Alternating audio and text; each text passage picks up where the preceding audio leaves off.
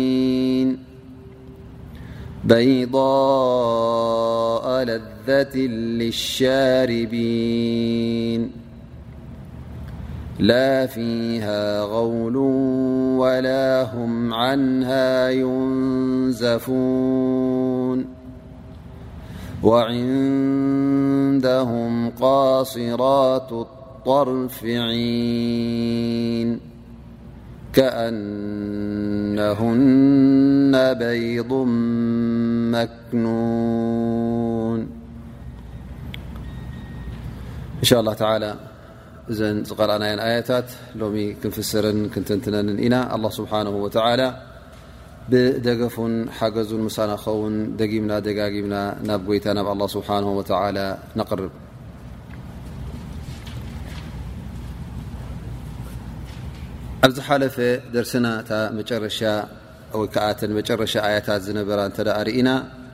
ኣላህ ስብሓነሁ ወተዓላ ጉዳይ ናይ ዮም ኣልቅያማ ቀሊል ነገር ከም ምዃኑ ኣላ ስብሓነሁ ወተዓላ ንኹሉ ፍጡር ከም ብሓድሽ ክመልሶን ክኸልቆን ከም ምዃኑ ነዚ ጉዳይ እዚ ኣረጋጊፁ እዚ ጉዳይ እዚ እውን ቀሊል ነገር ከም ምኳኑ ኣላ ስብሓን ወተላ ንዕኡ ነጊሩና ማለት እዩ ፈኢነማ ሂያ ዘጅረቱ ዋሒዳ ፈኢዛ ሁም የንظሩን እቲ ጉዳይ ቀሊል ከም ዝኾነ ኣላ ስብሓን ወተላ ነቶም ሙሽርኪን ነቶም ዝኽሕዱ ዝነበሩ ነዞም ክሓቲ እዚኦም የብርሃሎም ኣላ ስብሓን ወተላ ቅያማ የለን ኣራ የለን ዝብሉ ዝነበሩ እነሀ ፅባሕ ንግሆኸ እንታይ እዩ መልሶም ኣብ ዮም ቅያማ እንታይ ክብሉ እዮም እንታይ ዓይነት ስምዒት ክስምዖም እዩ እሀ ኣላ ስብሓን ወተላ ኣብዛ ትመፅእ ዘላ ኣያ ኣብዛ መጀመርያ ዝቀረእናይ ኣያ ይቁል ስብሓን ወተላ ወቃሉ ያ ወይለና ሃذ የውም ዲን እቶም ክሓቲ እቶም ሙሽርኪን እቶም መዓልቲ ቅያማ የለን ዝብሉ ዝነበሩ እንታይ ክብሉ እዮም ሽዑ እታ የውም ቅያማ ምስ ረኣይዋ ኣላ ስብሓን ወተላ ንኩሉ መይቱ ዝነበረ ከም ብሓድሽ ምስ ተተስኦ ያ ወይለና ወይልና ኢሎም ሽዑ ክስንብዱ ማለት እዩ እታ ነፍሶም ምስ ተመለሰቶም እታ የውም ቅያማ ብዓይኖም ብጋህዲ ምስ ረኣይዋ ሽዑ ያ ወይለና ወይልና ንሕና ጠፊእና እዚ ዩ እቲ መዓልቲ ያማ እዚ ዩ ዮም ዲን ኣ ስብሓ ወ ዮም ሒሳብ ሒሳብ ዝገብረሉ ፀብፃብ ዝግበረሉ መዓልቲ ለከ እዚ እዩ እነሀ ንሪኦ ኣለና ብዓይንና ኢሎም እቲ ኣህዋል ናይ ዮም ያማ ኩሉ ምስ ረኣዩ ሽዑ ወይልና ኢሎም ክጣዓሱ ይጅምሩ ላኪን ወላ የንፈዑ ነደም ወላ ተመንደም እዚ ግዜ እዚ ናይ ጣዕሳ ግዜ ኣይኮነን እ ግዜ ጣዕሳ ኣብ ኣዱንያ ከለዉ እዮም ክጣዓሱ ነይርዎም እዞም ሰባት እዚኦም ግን እቲ ዮም ቅያማ ምስ ረኣይዎ እቲ ዝኽሕድዎ ዝነበሩ እቲ ዝላገፅሉ ዝነበሩ ኣላ ስብሓን ወተላ የስተስኪሩን ኢሉ ጠቒስዎ ማለት ኩሎም ነቲ ሓቂ ክንገሩ ከለዉ ገና ኣብ ኣዱንያ እነቢ ክነግሮም ከሎ ረሱል ነቢና ሓመድ ለ ላ ሰለም ይኹን ኩሎም ኣንብያ ዮም ቅያማ ኣሎ ክብልዎም ከለዉ ነዚ ጉዳይ እዚ እላገፅሉ እዮም ነሮም ሓቂ ኣይኮነን ኢሎም የናእሽዎ እዮም ነሮም ላኪን ሕጂ ብጋህዲ ብዓይኖም ምስ ረኣዩ ኣብ ዮም ቅያማ ክጣዓሱን ያ ወይለና ወይልና ኢሎም ክእውዩ እውን ይርከቡ ላኪን እዚ ግዜ እዚ ናይ ጣዕሳ ግዜ ስለ ዘይኮነ ወላ ሓንቲ ኣይክጠቕሞምን እዩ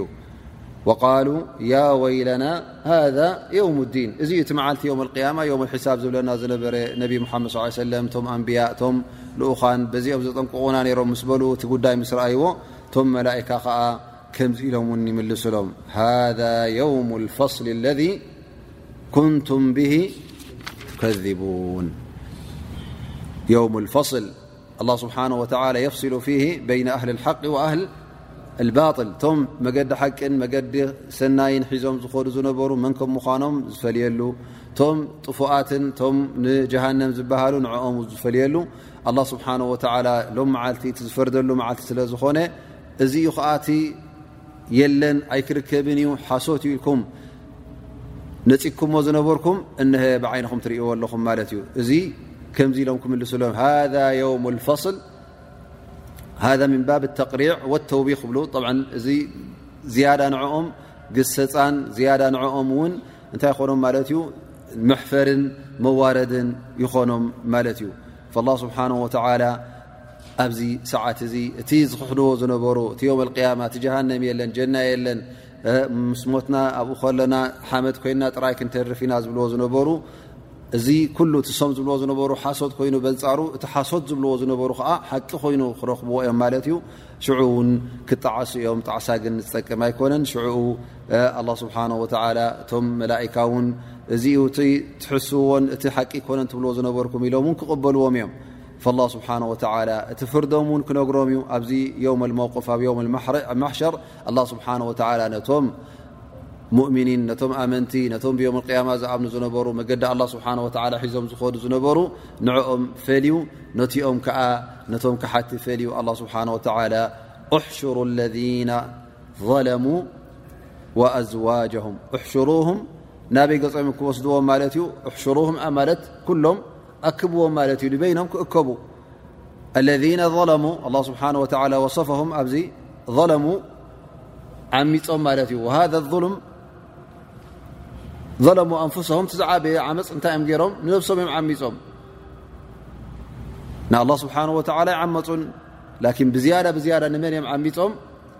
ንኣላ ስብሓን ወተላ እቲ ሓቂ ዘይምቕባሎም ንገዛእ ርእሱ እዙ ዓመፅ ማለት እዩ ሙሽርኪን ስለ ዝነበሩ እውን እዚ እውን ዝያዳ ዓመፅ ኮይኑ ማለት እዩ ኣሕሽሩ ለذነ ظለሙ ኣዝዋጀም ቃል ኣዝዋጀም ማዕናሃ ኣሽባሃም ኣይ ኣምثለም ንዕኦም ዝመስሉም ተመሳሰልቶም እቶም ገበነኛታት ክተኣኻኸቡ ከለዉ ሕጂ እቶም ሙሽርኪን ብሓደ ኮኑ ማለት እዮም እም ሰብ መስተ ብሓደ ቶም ዘመውቲ ኣመንዝራ ዝነበሩ ብሓደ ማለት ኣሽባሃም ተመሳሰሉ ጌርኩም ንኹሎም ኣክቦም ኣ ንኩሎም ነናቱ መቕፃዕቱ ነናቱ ስለ ዝኾነ ኣላ ስብሓን ወላ እውን ከምኡ ጌርኩም ኣኻኽቦም ይበሃሉ ማለት እዩ ኣሕሸሩ ለዚነ ዘለሙ ወኣዝዋጀም ኣይ ኣሽባሃም ወማ ካኑ ያዕቡዱን ወማ ካኑ ያዕቡዱን እቶም ይጠቕሙናን እዮም እቶም መንጎኛ ክኾኑና እዮም ኣብ ትሕቲ ኣላ ስብሓን ወተላ ጥቕሚ ኣለዎም ዝበሃሉ ዝነበሩ ስእልን ምስልን ይኹኑ ኣስናም ይኹኑ ወላ እውን ሰባት ይኹኑ እንተ ደኣ ረድዮም ነይሮም ነዚ ዕባዳ እዚ ኣምልኾት ንክዋቡ ምስ ኣላ ስብሓን ወተላ ሽርካ ንክኾኑ ፈትዮምን ረድዮም እተ ነሮም ኩሎም ኣላ ስብሓን ወተላ ብሓደ ክእክቦም እዩ ብሓደ ከዓ ናበይ ክብሎም እዩ ንስኣ ንእሳተ ጀሃንም ኣላ ስብሓን ወተላ ምስቶም ሙሽርኪን ቶም ኣምልኾት ዝእቡ ዝነበሩን ቶም ኣምልኾት ንኦም ዝወሃብ ዝነበርን ኩሎም ኣላ ስብሓን ወተላ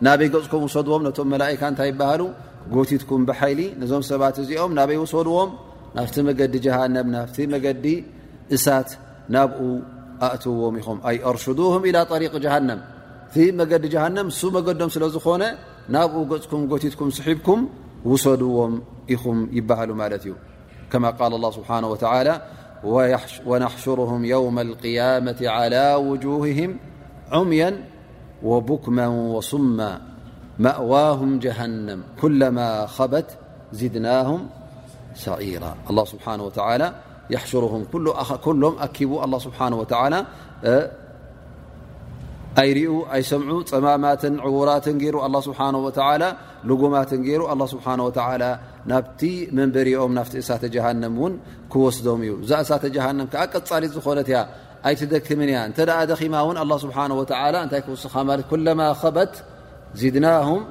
ሰዒራ እተ ክትቅህም ጀሚራ እንደና ኣ ስብሓ ወላ ክውስኾም እተዘይኮይኑ እቲ ዝወረዶም ስቃይ እቲ ዝወረዶም መቕፃዕቲ ኣይፋኾስን እዩ ኣይጎድልን እዩ ዝብለና ዘሎ ኣ ስብሓ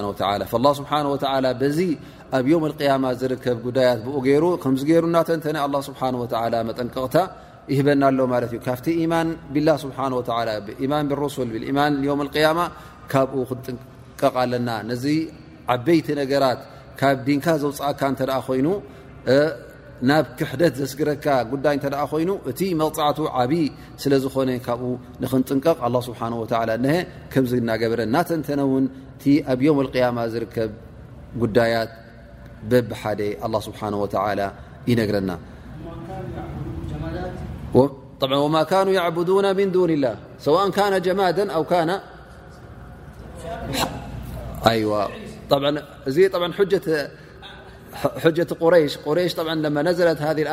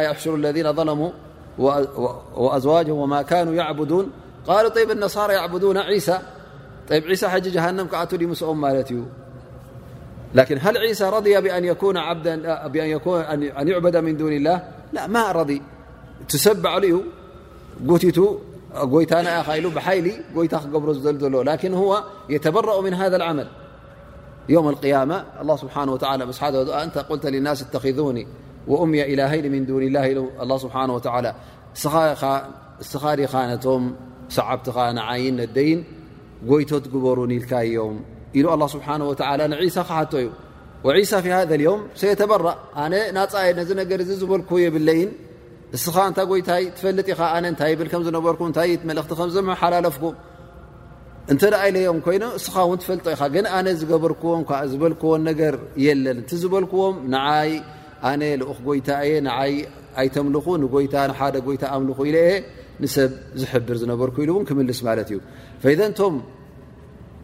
ረድዮም ጎይታ ክኾኑ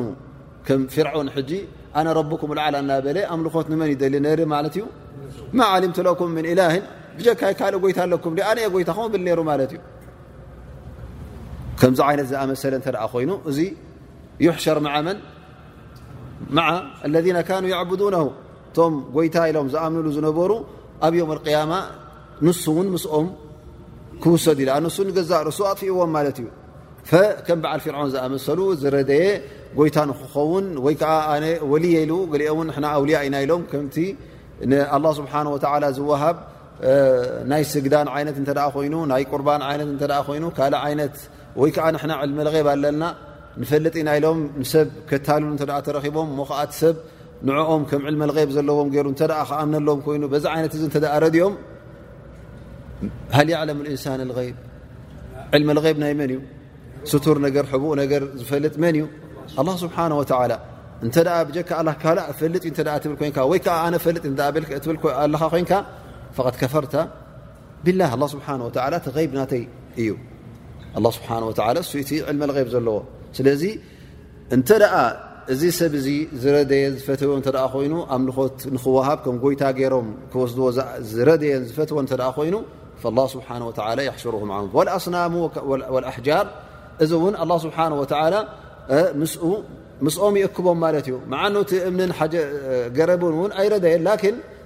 ጠብዐን ምን ባብ ኣላ ስብሓን ወተዓላ ነዞም ሙሽሪኪን እዚኦም ከርእዮም ማለት እዩ እቶም ተምልኾም ዝነበርኩም እነህልኩም ጠቕሙ እንተ ደኣ ኮይኖም ሲ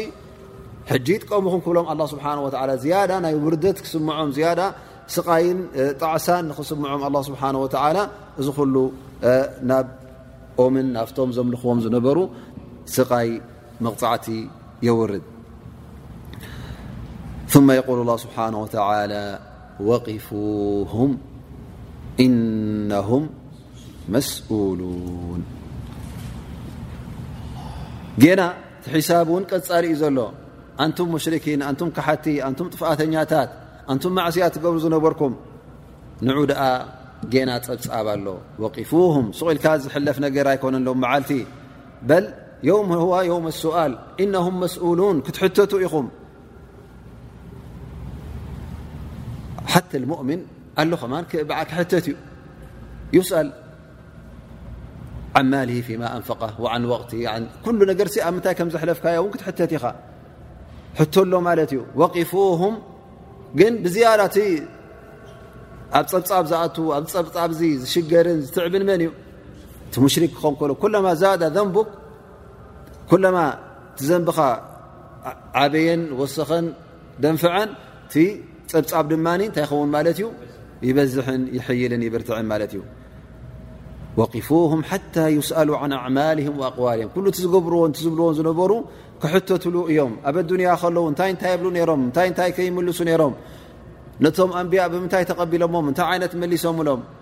ነቶም ዑለማእ እንታይ ኢሎም ይምልሱሎም ነሮም ከመይ ገይሮም ርእዎም ነሮም እንታይ ይቕበልዎ ዶ ነሮም ሓቂ ይቕበሉ ይነበሩን እንታይ ከሰርሑ ነሮም እዚ ኩሉ ክሕተቱ እዮም ፈሁም ሓሰቡን ገና መዓልቲ ፀብፃብ እዩ ወቂፉም ደው ኣብልዎም ኣይተሕልፍዎም ሱቕኢልኩም ወመን ንውቂሸ ብ እተ ኣብዚ መፅሕካ ኣብ ፀብፃብ በፅሕካ ኣብ ቅድሚ ኣላ ስብሓን ወተዓላ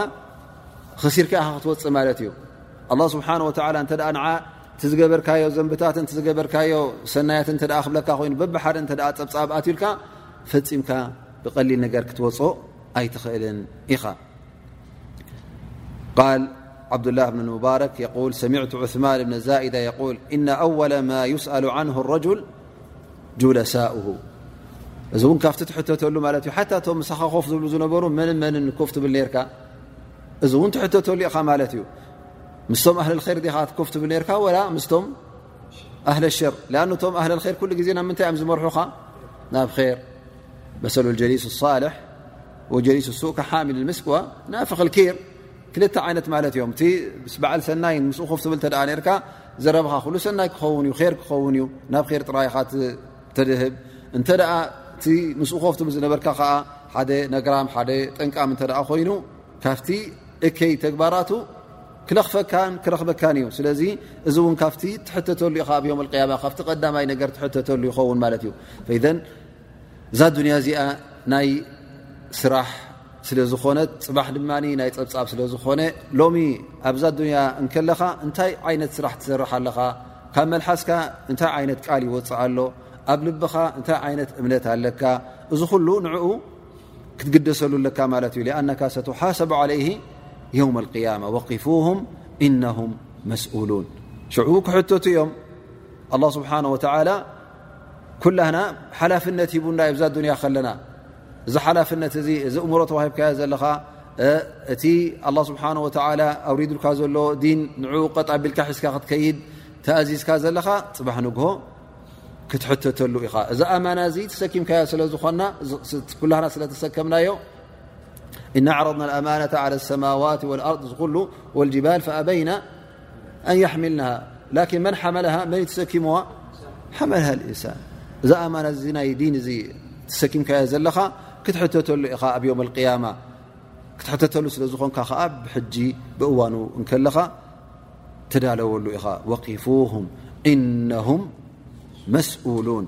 ሽዑ ምስተሓተቱ ኣላ ስብሓን ወተዓላ እውን እዞም ሰባት እዚኦም እውን ክሕተቱ ከለዉ መልሲ ኣይክረኽቡን እዮም ኣኑ መልሲ ክምልሱ እተ ኮይኖም ዝያዳ ደጥፍኦም መልሲ እዩ ስለዚ እንታይ እዮም ክገብሩ ማለት እዩ ተሓተትዎ ሕቶ ካብኡ ክሃድሙ እዮም ንድሕዶም ን ዝገብርዎ ነገር የብሎምን ፈዩቃሉ ለም ማ ለኩም ላ ተናሰሩን እንተ ኸምኩም ዳኣልኩም ሕጂ ንንሕትኩም ዘይትጠቕሙ እዚኦም ተምልኽዎም ዝነበርኩም ጎይታትና እዮም ትብልዎም ዝነበርኩም ክጠቕሙና እዮም ትብሉ ዝነበርኩም እንታይ ኮይኖም ደኣ ሕጂ ዘይጠቕሙኹም ማለኩም ላ ተናሰሩን ንንሕትኩም ዘይትደጋገፉ ንንሕትኩም ዘይትዕወቱ ዝምልስ ኣበሎ እከለ እዚ ከምዚ ይገብር ነበረ እናበለ ክሕግዞ ዘይፍትን ፈየቁል ላ ስብሓን ላ በል ሁም ልየውመ ሙስተስሊሙን መልሲ የብሎምን ንንሕዶም እውን ክደጋገፉ ኣይክእሉን እዮም ሽዑ ጥራይ እንታይ እዮም ዝገብሩ ማለት እዩ ኩሉ እቲ ጉዳይ ኣብ ኢዶም ስለ ዘይኮነ ክሃድሙ ይክእሉ ከምልጡ ኣይክእሉ ክምልሱ ኣይክእሉ ተሓተትዎ ሕቶ ውን ኣይምልሱ እንታይ ኸኑ መጨረሻ ኣ ስብሓ ወ ከም ዝበሎ በልም የውማ ሙስተስሊሙን እስትስላም ማለት እዩ ላስ ዝገብርዎ ነገር የብሎምን ናበይ ገጾም ክሃድሙ ፈም ሙንቃዱና ኣምር ላ ፈላ ይኻልፉና ወላ የሒዱን ኣብ ኣዱንያ ከለዉ ኩሉ ግዜ ካብቲ ረቢ ዝበሎም ጎይታ ዝበሎም ካብኡ ንየማን ንፀጋም ፀፋዕ ፀፋዕ እብሉ ነይሮም ላኪን ሃذ ልየውም ኣብ ዮም ኣልቅያማ ግን ፈፂሞም ንየማን ንፀጋም ክብሉ ኣይከኣሉን ከምልጡ ይከኣሉን ካብቲ ትእዛዝ ኣላ ስብሓን ወተዓላ ኣብ ኣዱንያ ከለዉ የምልጡ ነይሮም ላኪን ሃذ ልየውም ምምላጥ ዝበሃል የለን በል ሁም ልየውማ ሙስተስሊሙን ኣፍታ ረቢ ዝበሎም ኣፍታ ጀሃንም ተዳ ኢልዎም ናብኣ ኸዶዮም ላስቲ ዝገብርዎ ነገር ስለ ዘይብሎም እንታይ ኮኑ ማለት እዩ ኣስተስሊሞም ይተርፉ ማለት እዩ ሽዑ እዚ ኩሉ ምስ ተረኸበ እቶም ካሓቲ እውን ኣብቲ ዓረሳት ኣልቅያማ ኣብቲ ሜዳ ተኣኪቦሞ ዘለዉ እቲ ጀሃንም እውን ኣብ ዓይኖም ክርእዎ ከለዉ ዳሕራይ እውን ኣብቲ ጀሃንም ምስኣተዉ እውን ሽዑ ነንሕዶም እንታይ ክገብሩ ክመፅኦም ነንሕዶም ክተሓማመዮም ክርከቡ ማለት እዩ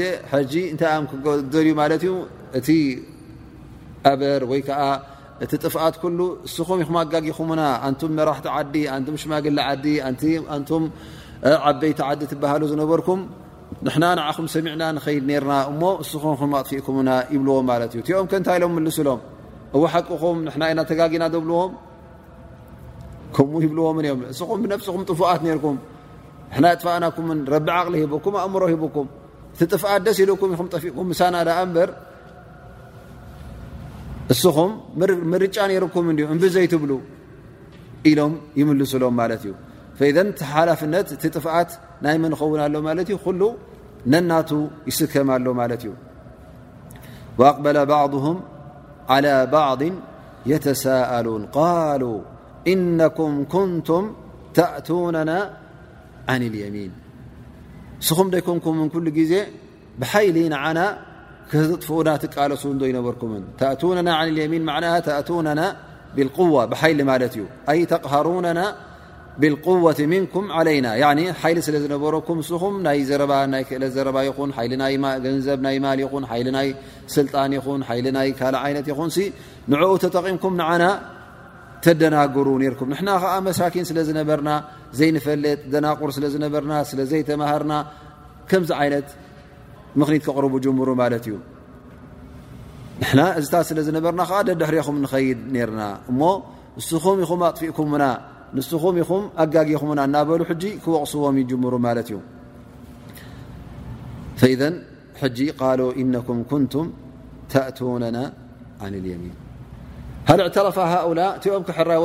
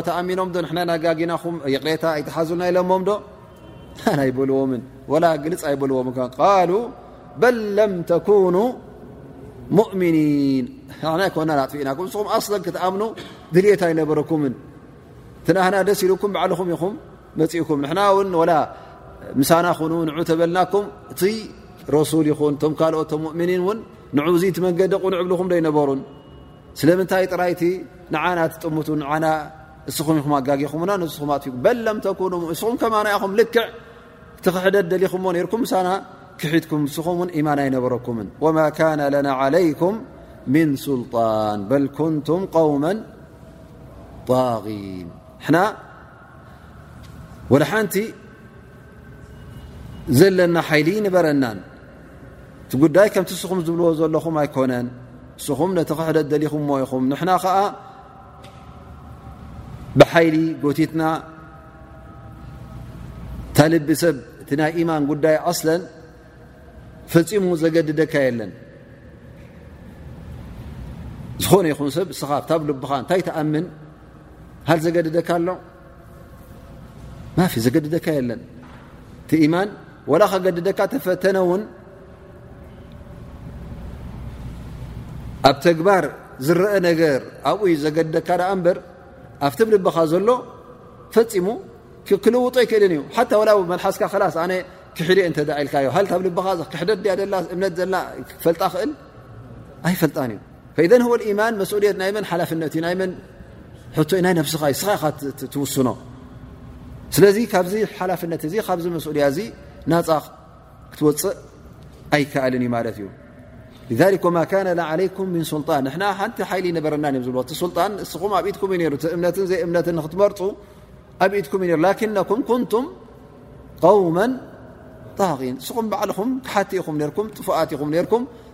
ነቲ ሓቂ ዘይትደልዩ ካብ ሕጊ ዝወፃእኩም ሕጊ ዝሰገርኩም ሰባት ኢኹም ነርኩም እቶም ኣንብያ መፅኦምኹም እዮም እቲ ናቶም ብሩህ ዝኾነ መርትዖን ብሩህ ዝኾነ ጭብጥታት እውን ኣቕሪቦምልኩም እዮም ኩሉ ከዓ ኣብሪሆምልኩም ባዕልኹም ዕንቢልኩም ኣብኹምሞ እምበር ንሕና ኣየገዳድናኩምን ንሕና ካብቲ መገዲ ሓቂ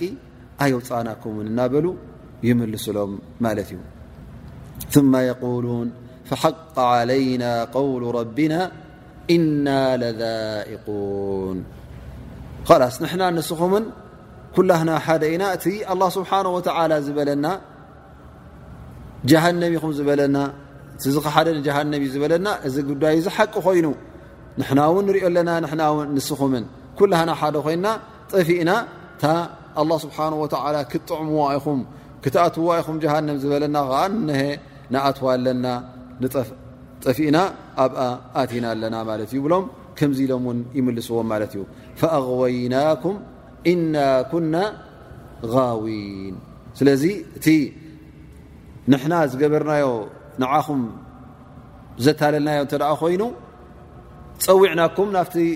መንገዲ ንሕና ንኸዶ ዝነበርና ናብቲ መንገዲ ጥፍኣት ንስኹም ከዓ ምሳና ጠፊእኩም ጥፉኣት ነርና ምሳና ንስኹም ጠፊእኩም ላኪን እቲ ንሕና ዝገበርና ዘገድድናኩም ኣይኮናን ናሕኑ ድዓውናኩም ፈቐጥ እቲ ዝገበርናዮ እቲ ጥፍኣት ንዓኹም ክነጥፍ እንተ ኮይና ከምቲ ኣንቢያ ንዑ በዚ ዝብልኹም ዝነበሩ ንሕና ድማ ንዑ በዚ ኢልናኩም ንስኹም ሕጂ ንመን መሪፅኩም ነቲ ጥፍኣትና ካብ መረፅኩም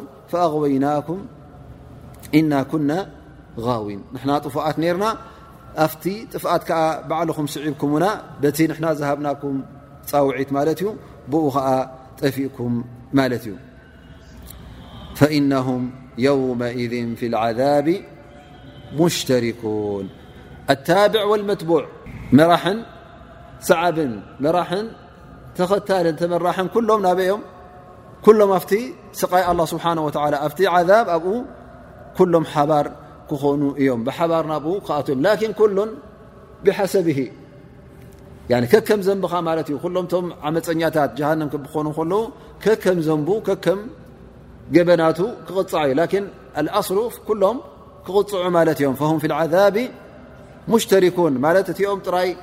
እቶም ዘታለሉ ጥራይ ንሶም እዮም ዝኣትዉ ኣይበሃል እበር እቲ ተታሊሉ ዝኸይድ ዝነበረ ከምቲ ዝበልናዮ ሓላፍነት ና ስለዝኾነ እ ናይ ኢማን ሓላፍነት ናቱ ስለ ዝኾነ ኣላ ስብሓን ወተላ ንዕኡ ከዓ ኣብቲ ስቃይ እውን ከእትዎ ከም ምኳኑ ኣላ ስብሓን ወተላ ይነግረና ማለት እዩ ፈየቁል ስብሓን ወተላ እና ከሊከ ነፍዓሉ ብልሙጅርሚን ኣላ ስብሓን ወተዓላ ነቶም ገበነኛታት ነቶም መገዲ ገዲፎም መገዲ ጥፍኣት ዝመረፁ ኣላ ስብሓን ወተዓላ ከምዚ ገይሩ ኣብቲ ስቃይ መዋእላዊ ስቃይ ዝኾነ ጀሃንም ኣብኡ ክእትዎም እዩ ኣነም ስለምንታይ እነሁም ካኑ ኣብ ኣዱንያ ከለዉ ማለት እዩ ኣብ ኣዱንያ ከለዉ እታይ እዛ ቂለ ለሁም ላኢላሃ ኢላ ላሁ የስተክብሩን ንዑ ናብ መገዲ ተውሒድ ናብ ሓደ ኣላ ስብሓን ወተላ ላኢላ ኢላ ላ በሉ ካብቲ ዘለኹሞ ሽርክነት ካብቲ ዘለኹሞ ጥፍኣት ንዑ ውፁ ክበሃሉ ከለዉ ነዚ ሓቂ እዚ ኣብ ኣዱንያ ከለዉ እንታይ እዮም ዝገብሩ ነይሮም ብትዕቢት ይነጽግዎ ነሮም ይቀበልዎ ይነበሩን ኣ ላ ላ ላ ላ ሰዕታ ቀንዲ ተላ ላ ላ ላ እንተ ንዓ ሒዝካ ብጀካ ኣላ ስብሓነ ወተላ ካልእ ብሓቂ ፍፁም ኣምልኾት ዝወሃብ የለን ትብል ቃል እዛ ላላ ላ ዝሓዘ ሰብ ኣብ ዮም القያማ ንሱ ካብቲ ስቃይ ናፃ ክኸውን ማለት እዩ ኣኑ በዓል ኢማን ስለ ዝኾነ ነዛ ቃል እዚኣ ዘየማልአ ግን እታ ቃል ላላ ኢ ላ እሳእም ከዓ እቶም ኣንቢያ ሒዞም ዝመፁ ምንቲ ምንታይ ኩሎም እቶም ኣንቢያ እተ ርእናዮም ነዛ ላላ ላ ንዓ ክተኽሉ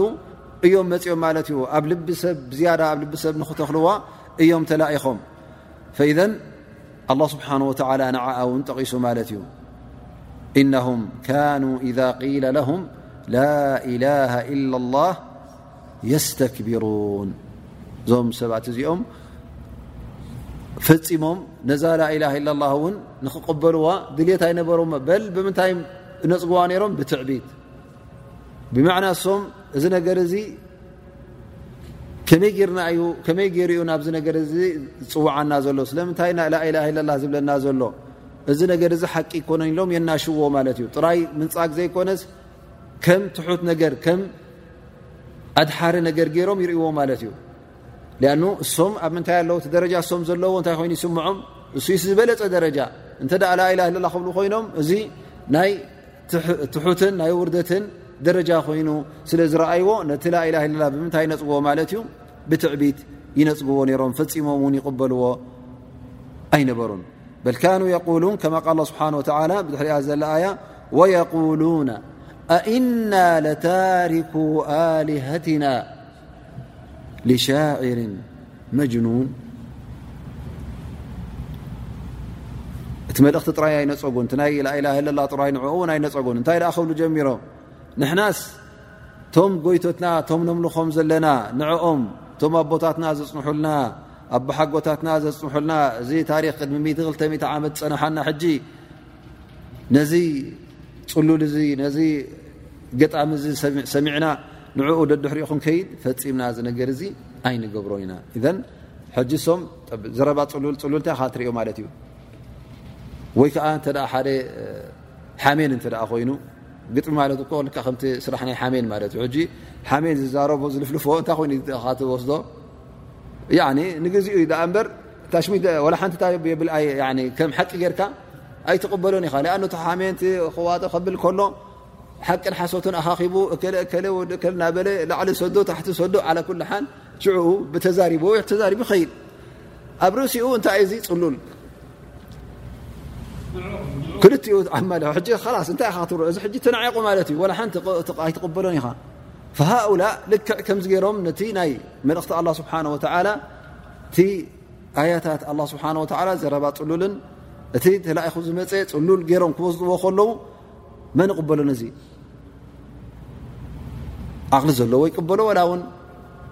ቆልዓ ይቅበሎ ወላ ንእሽተ ይቅበሎ ወላ ውን ሰበይቲ ትቕበሎ ወላ ውን ሰብኣይ ኣይቀበሎን እዩ ማለት እዩ ሃኡላ ከምዚ ገይሮም ነዚ ሓቂ እዚ ይነፅጉ ነይሮም ጥራይ ትክሕደት ዘይኮነ ነቲ ናይ ኣላ ስብሓን ወተላ ልኡኽ እናፀረፉን ሕማቕ ሽም እናሃቡን እናካፍኡ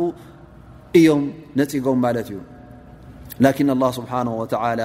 እዚ ዝብልዎ ዘለዉ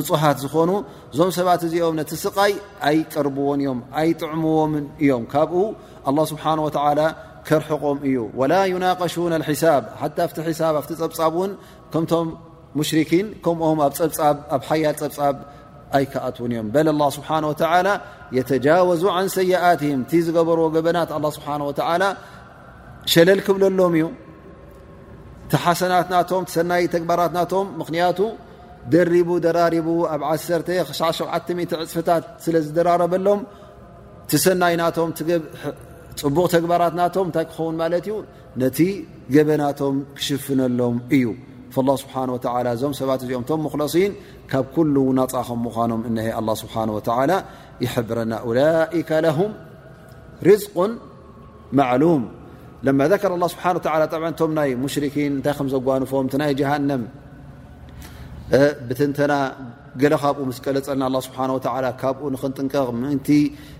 ክንፈርህ ምእንቲ ክንርሕቕ ኣላ ስብሓን ወተዓላ መጠንቀቕታ እናሃበና ከሎ እነሀ ሕጂ ኣበይ ኣትዩ ማለት እዩ ኣላ ስብሓን ወተዓላ ኣብቲ ዕባድ ላ ልሙክለሲን ኣብቲ ሙእምኒን ገበርቲ ር ፅቡቕ ዝገብሩ ዝነበሩ ዘጓንፎም ናብኡ ተንቲኑ እውን ይነግረና ኣሎ ኣላ ስብሓን ወተዓላ እዞም ሰባት እዚኦም እንታይ ኣለዎም ቀዳማይ ነገር ቃል ኡላይከ ለሁም ርዝቁን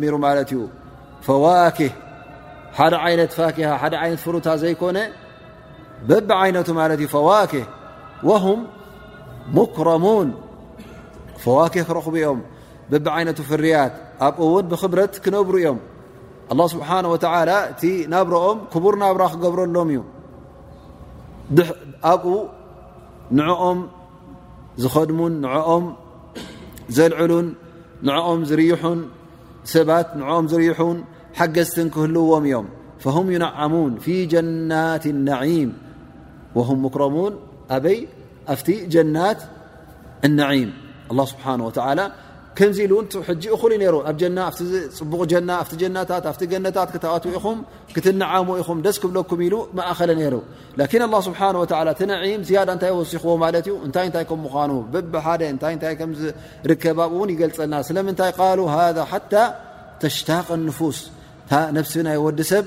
ዝያዳ ንክትህንጠ ነዚ ሰናይ እዚ ክትሰምዕ እንከላ ዝያዳ ንክትሰርሕ ማለት እዩ ኣላ ስብሓን ወተላ ፊ ጀናት ነዒም ዓላ ስሩርን ሙተቃብሊን ዓላ ስሩር እዚ መጃልስ ዓራውቲ ኮፍ ትብሎ ማለት እዩ ልኡል ዝኾነ ክብ ዝበለ ብቢ ዓይነቱ ሽልማታት ዘለዎ ማለት እዩ ሙተቃብሊን ገፅ ንገፅ ይረኣዩ ማለት እዮም ነንሕዶም ዝባና ይወሃቡን እዮም እንታይ ደኣ ኩሉ ግዜ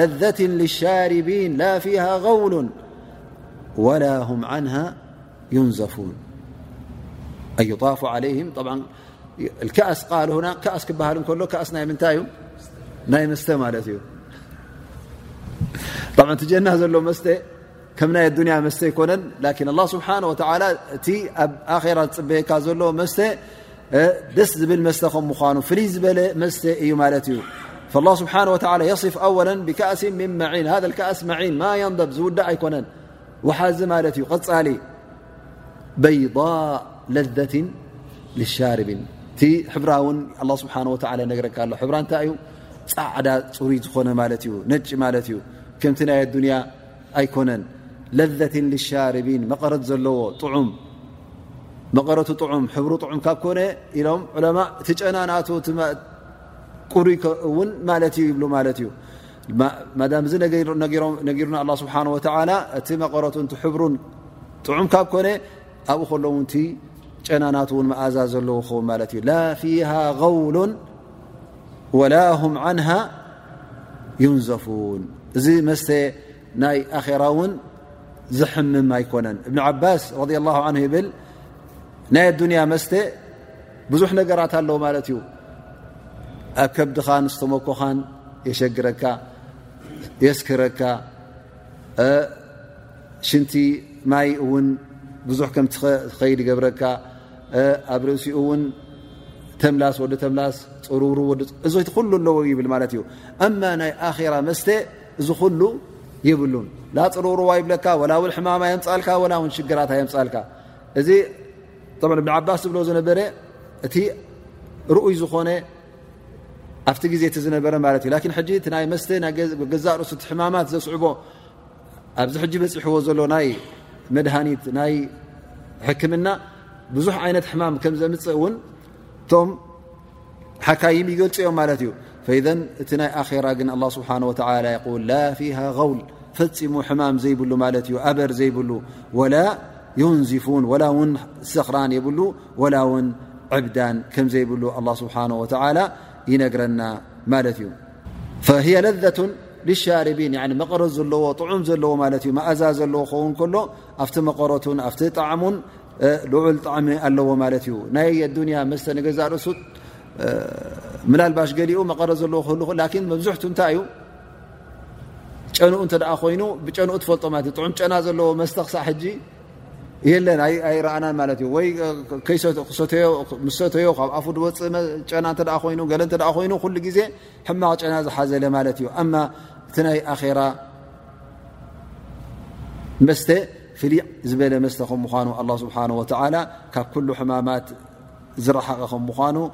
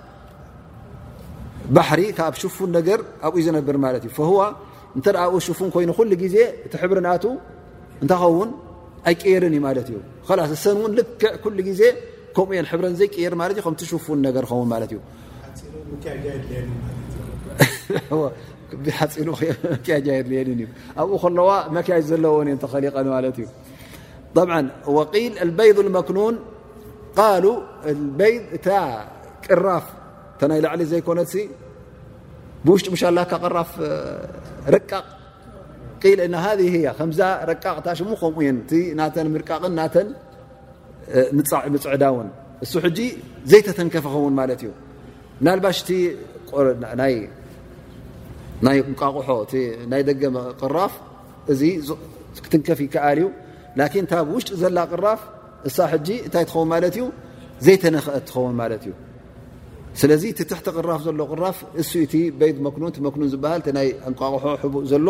ንዕኡ ብኡ ፈሲሮሞ ማለት እዩ ላ ስብሓን ወተላ እዘን ሰባት እዚአን እዘን ሕረ ልዒን ኣብ ዮም ኣልቅያማ ነቶም ሙእምኒን ተባሂለን ዘለዋ ንዕኦም ፅበያ ዘለዋ እቲ መልክዕ ናተንን እቲ ፅባቐ ናተን እንታይ ከም ምኳኑ ኣዒንተን ይኹን እቲ ክብሪ ናተን ዒፋ ወይ ከዓ ሸረፍ ናተን ክብሪ ናተን ዝሓለዋ ከም ምኳነን ኣላ ስብሓን ወተላ ይነግረና ኣሎ ማለት እዩ እዚ ነገር እዚ እውን ንኩሉ ከምዘይኮነ እንታይ ደኣ ነቶም ባሮት ኣላ ነቶም ፈራሃት ረቢ ነቶም ሰብ ኢማን ከም ምኳኑ ኣላ ስብሓን ወተላ ይነግረና ማለት እዩ እሞ እዚ ከምዚ ገይሩ ኣላ ስብሓን ወተላ እቲ ናይ ኣራ ሽሻያት ናይ ኣራ ፍስሃ ናይ ኣራ ብፀት ዝነግረና ዘሎ ስለምንታይ እዩ ከምዚ ገይሩ ተንቲኑልና ወዲ ሰብ ከምዚ ጌርካ ክትገልፀሉ ከለኻ እቲ ጉዳይ ብዝያዳ ከተብርሃሉ ከለኻ እንታይ ኸውን ማለት እዩ ህንጠ ማለት እዩ ነዚ ነገር እዚ ከምዝ ከም ዘለዎ ክትብል ከለኻ ኣብ ክንዲ ብዕብሉ ክትቦ ከለኻ በብ ሓደ ክትንትነሉ ከለኻ ዝያዳ ሸቅ ገብር ማለት ዝያዳ ን ተጀና ንክረክብ ነዚ ነገራት ንክረክብ ይጓየ ማለት እዩ ህርፋን ናይ መስተ ዘለዎ እተ ኮይኑ ዱንያ ነታ ናይ ዱንያ ገዲፉ ናይ ናይ ኣራ ደሊ ሕጂ ቶባብል ማለት እዩ ናይ ደቂ ኣንስትዮ ህርፋ እተ ኣለዎ ኮይኑ ካብተን ናይ ዱንያ ዝበለፃን ሓሻን ኣብ ኣራ ፅበያ ካሎ ክብሎ ከሎ ኣ ስብሓ ወላ እንታይ ኸውን ማለት እዩ እቲ ናይ ዱንያ ዕብዳን ናይ ዱንያ ጥፍኣ ዘሎ ንኡ ገዲፉ ነየናይ ክፅበ ማለት እዩ ነቲ ኣብ ጀና ዘሎ ማላ ዓይንን ረኣት ወላ እኑ ሰሚት ወላ ኸጠራ